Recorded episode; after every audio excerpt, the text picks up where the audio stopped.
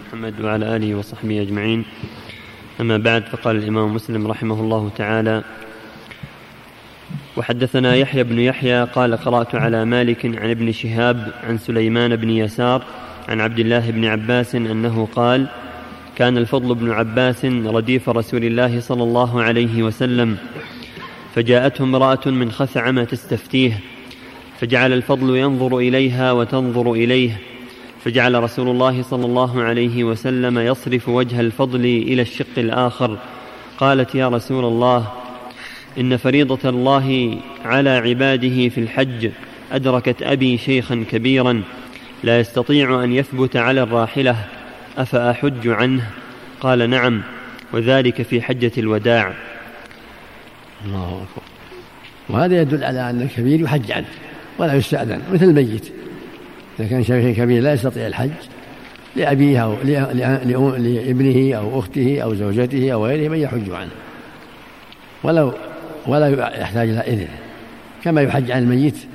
ولهذا قال نعم ولم يقل استأذنيه. نعم.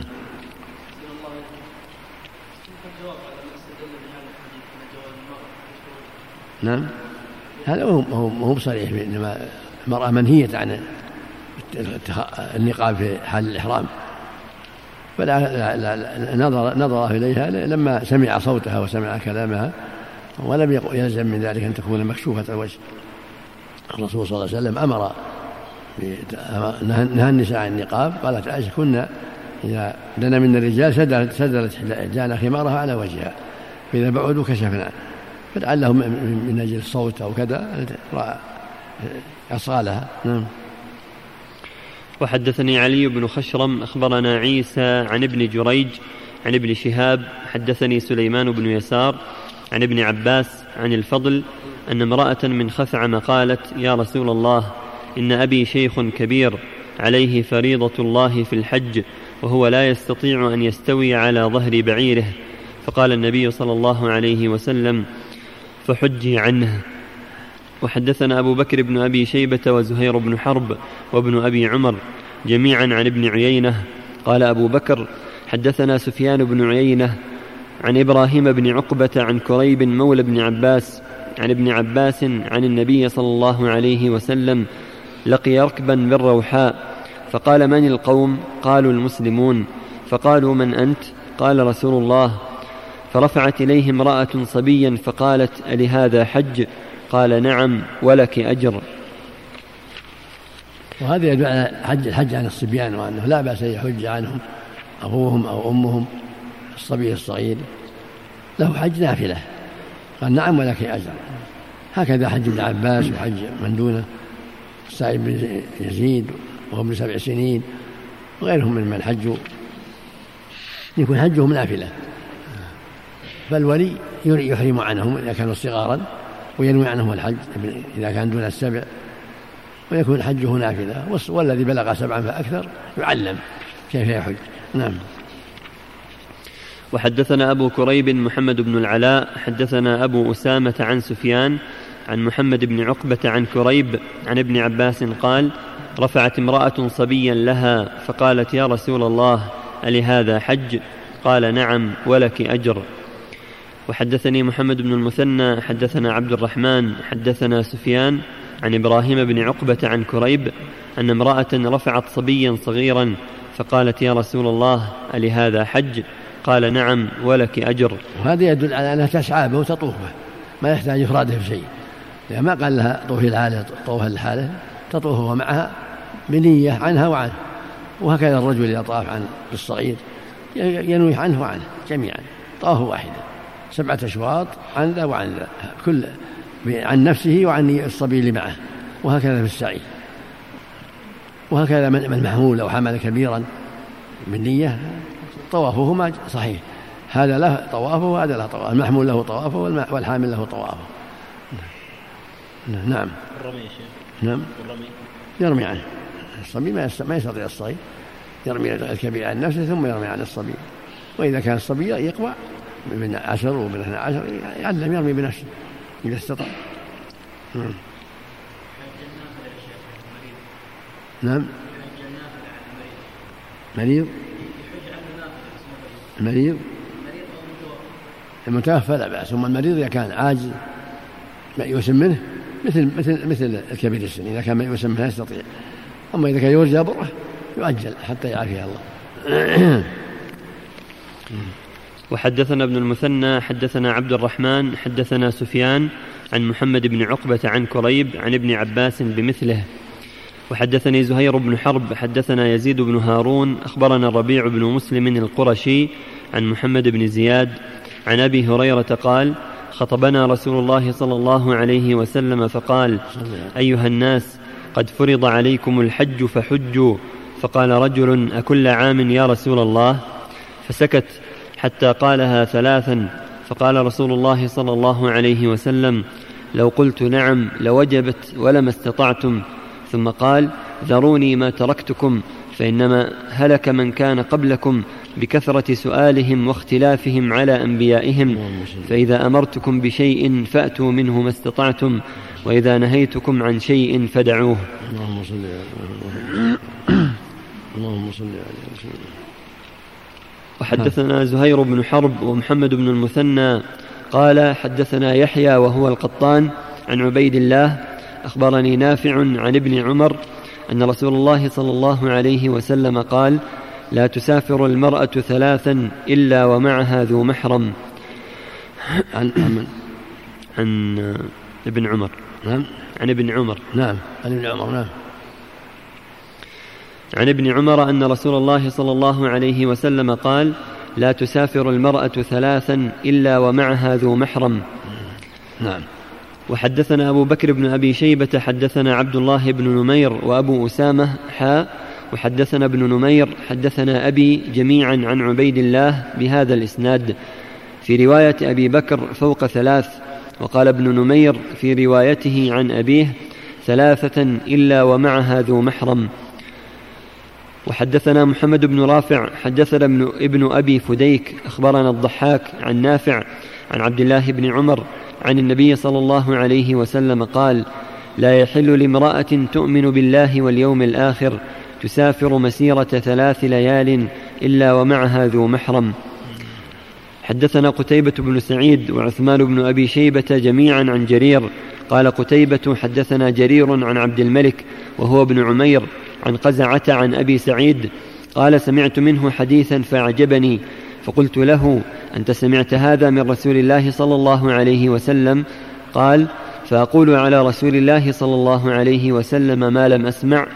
قال سمعته يقول قال رسول الله صلى الله عليه وسلم لا تشد الرحال إلا إلى ثلاثة مساجد مسجدي هذا والمسجد الحرام والمسجد الأقصى. وسمعته يقول لا تسافر المرأة يومين من الدهر إلا ومعها ذو محرم منها أو زوجها. وحدثنا محمد بن المثنى حدثني محمد بن جعفر حدثنا شعبة عن عبد الملك بن عمير قال سمعت قزعة قال سمعت أبا سعيد الخدري قال سمعت من رسول الله صلى الله عليه وسلم أربعا فأعجبنني وآنقنني. نهى أن تسافر المرأة مسيرة يومين إلا ومعها زوجها أو ذو محرم واقتص باقي الحديث. وحدثنا عثمان بن أبي شيبة حدثنا جرير عن مغيرة عن إبراهيم عن سهم بن منجاب عن قزعة عن أبي سعيد الخدري قال قال رسول الله صلى الله عليه وسلم لا تسافر المرأة ثلاثا إلا مع ذي محرم. وحدثني أبو غسان المسمعي ومحمد بن بشار. أعد. عن أبي سعيد. وحدثنا عثمان بن أبي شيبة حدثنا جرير عن مغيرة عن إبراهيم عن سهم بن منجاب عن قزعة عن أبي سعيد الخدري قال قال رسول الله صلى الله عليه وسلم لا تسافر المرأة ثلاثا إلا مع ذي محرم. وحدثني أبو غسان المسمعي. هذا المقصود. هذا وقع النبي صلى الله عليه وسلم حسب الأسئلة. ثلاثا وجاء يومين وجاء يوم وليلة وجاء يوم وجاء ليلة وجاء مطلقة والجامع في هذا أنها لا تسافر كل ما يسمى سفر إلا مع محرم سواء كان ثلاثة أيام أو يومين أو يوم أو يوم وليلة أو ليلة.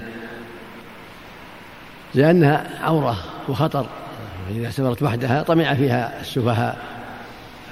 فمن رحمة الله ومن إحسانه إلى عباده. أن منع السفر أن منعها السفر إلا بمحرم. ولهذا في الصحيح من ابن عباس كما يأتي لا تسافر امرأة إلا مع ذي محرم مطلقة هذه كأمثلة ثلاثة أيام ويومين ويوم وليلة وليلة بريد كلها أمثلة كما جاء في النصوص على حسب الأسئلة التي وجهت إليه عليه الصلاة والسلام. نعم. ويحتمل أن العدد الذي الزائد كان أولا ثم نسخ لأن الأحاديث الصحيحة اللي فيها النهي عن السفر مطلقة غير مقيدة لا السفر إلا مع ذي محرم. فتكون الأيام التي ذكرت يومين أو ثلاثة أيام أو أو ثلاث ليال أو ليلة أو بريد أو يوم على سبيل الأمثلة أو على حسب إجابة السائلين. نعم. الشارح كلام حاشد الرحال نعم. الشارح رحمه الله كلام حاشد الرحال نعم. الشارح النووي رحمه الله كلام حاشد الرحال يقول يقول مختلف العلماء في شد الرحال وإعمال المطيع غير المساجد الثلاثة. كالذهاب إلى قبور الصالحين والى المواضع الفاضله ونحو ذلك وقال الشيخ محمد الجويني من أصحابنا هو حرام والذي أشار القاضي عياض إلى اختياره والصحيح عند أصحابنا هو الذي اختاره امام الحرمين والمحققون أنه لا يحرم ولا يكره قالوا والمراد أن الفضيلة التامة إنما هي في شد الرحال إلى هذه الثلاثة خاصة والله أعلم. لا هذا يقول النووي هذا ومن قال إنه خاص أنه يشد الرحال إلى غير الثلاثة غلط. النبي صلى الله عليه وسلم قال لا تشد الرحال إلا إلى المساجد، المسجد الحرام مسجد هذا المسجد الاقصى. أما شد الرحال للقبور القبور أو لموضع يظن فيه بركة هذا منكر لا يجوز وسيلة للشرك. يقول الجويني وأشباهه قول ضعيف ليس بشيء.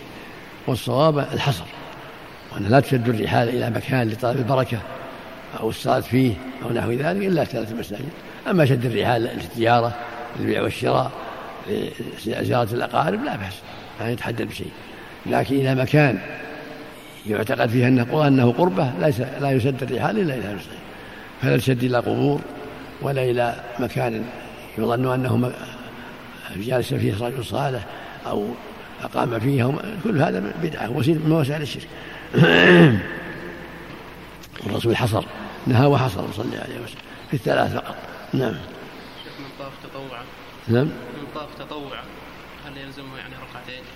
سنة الطواف التطوع والركعة كلها سنة. ركعتين يعني تابع الركعتان سنة في واجب عند أهل العلم. تابع الطواف يا شيخ؟ تابعة للطواف سنة نعم. نعم. وحدثني أبو غسان المسمعي ومحمد بن بشار جميعا عن معاذ بن هشام. قال أبو غسان حدثنا معاذ. حدثني أبي عن قتادة عن قزعة عن أبي سعيد الخدري أن نبي الله صلى الله عليه وسلم قال لا تسافر امرأة فوق ثلاث ليال إلا مع ذي محرم. وحدثناه ابن المثنى حدثنا ابن أبي عدي عن سعيد عن قتادة بهذا الإسناد وقال أكثر من ثلاث إلا مع ذي محرم. وحدثنا قتيبة بن سعيد حدثنا ليث عن سعيد بن أبي سعيد عن أبيه أن أبا هريرة قال قال رسول الله صلى الله عليه وسلم لا يحل لامرأة مسلمة تسافر مسيرة ليلة إلا ومعها رجل ذو حرمة منها. لا يحل لامرأة مسلمة تسافر مسيرة ليلة إلا ومعها رجل ذو حرمة منها. وهذا يبين لنا أن ثلاث الليالي على سبيل التمثيل. لما سئل عنها نعم. وهكذا الليلة وهكذا اليوم نعم. نعم. ثمانون كيلو يوم وليلة كما أفتى الصحابة يوم وليلة. آه. مسافة ثمانين كيلو تقريبا. آه. نعم.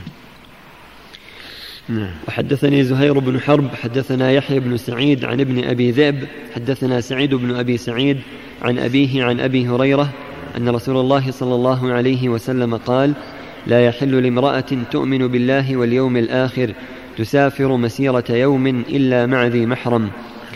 وحدثنا يحيى بن يحيى قال قرأت على مالك عن سعيد بن أبي سعيد المقبوري عن أبيه عن أبي هريرة عن النبي صلى الله عليه وسلم قال لا يحل لامرأة تؤمن بالله واليوم الآخر تسافر مسيرة يوم وليلة إلا مع ذي محرم عليها. وحدثنا أبو كامل الجحدري حدثنا بشر يعني ابن مفضل حدثنا سهيل بن أبي صالح عن أبيه عن أبي هريرة قال قال رسول الله صلى الله عليه وسلم لا يحل لامرأة أن تسافر ثلاثا إلا ومعها ذو محرم منها. وحدثنا أبو بكر بن أبي شيبة وأبو كريب جميعا عن أبي معاوية. قال أبو كريب حدثنا أبو معاوية عن الأعمش عن أبي صالح عن أبي سعيد الخدري. قال قال رسول الله صلى الله عليه وسلم لا يحل لامرأة تؤمن بالله واليوم الآخر أن تسافر سفرا يكون ثلاثة أيام فصاعدا إلا ومعها أبوها أو ابنها أو زوجها أو أخوها أو ذو محرم منها. وحدثنا أبو بكر بن أبي شيبة وأبو سعيد الأشج قال حدثنا وكيع حدثنا الأعمش بهذا الإسناد مثله. وحدثنا أبو بكر بن أبي شيبة وزهير بن حرب كلاهما عن سفيان قال أبو بكر حدثنا سفيان بن عيينة حدثنا عمرو بن دينار عن أبي معبد قال سمعت ابن عباس يقول سمعت النبي صلى الله عليه وسلم يخطب يقول لا يخلون رجل بامرأة إلا ومعها ذو محرم ولا تسافر المرأة إلا مع ذي محرم. فقام رجل فقال يا رسول الله إن امرأتي خرجت حاجة وإني اكتتبت في غزوة كذا وكذا. قال انطلق فحج مع امرأتك. نعم وهذا هو معتمد. حديث ابن عباس هنا لا تسافر المرأة إلا مع ذي محرم. عام. نعم. ليس في قيد. كل ما يسمى سفرا نعم. اللهم صل نعم. وحدثناه أبو الربيع الزهراني حدثنا حماد عن عمرو بهذا الإسناد نحوه. وحدثنا ابن أبي عمر حدثنا هشام يعني ابن سليمان المخزومي عن ابن جريج بهذا الإسناد نحوه ولم يذكر ولا يخلون رجل بامرأة إلا ومعها ذو محرم. حدثني هارون بن عبد الله حدثنا حجاج بن محمد قال قال ابن جريج أخبرني أبو الزبير أن عليا الأزدي أخبره أن ابن عمر علمهم أن رسول الله صلى الله عليه وسلم كان إذا استوى على بعيره خارجا إلى سفر كبر ثلاثا ثم قال بركة اللهم صل نعم. لا ما يلزم الحج عليها هي إذا استطاعت. نعم. من استطاع إليه سبيلا. ما يلزمه ما يلزم الزوج ولا غير الزوج. نعم. نعم. ولو مثل السيارات والطائرات ولو العبرة بالسفر ما دام يسمى سفر وهو يمنع. لا تسافر إلى مكة ولا غيرها من الرياض ولا ولا في الطائرة إلا مع هذه محرم لأنه يسمى سفر. نعم. الرسول قال لا تسافر المرأة إلا مع هذه محرم والخطر موجود. نعم. المرأة إذا توفي الزوج نعم. حاجة نعم. المرأة إذا توفي زوجها وهي حاجة في الطريق تكمل. إذا كانت مضى الأكثر تكمل لو كان قريب من البلد تعود. إن كان قد مضى أكثر أو يشق عليها التعويض تكمل والحمد لله. نعم, نعم. ولو ولو. ظاهر الحديث العموم لا تسافر ولا مع ذي محرم ولو مع نساء النساء ما هم محارم. نعم. نعم. هو المحرم الرجل الكامل البالغ. نعم.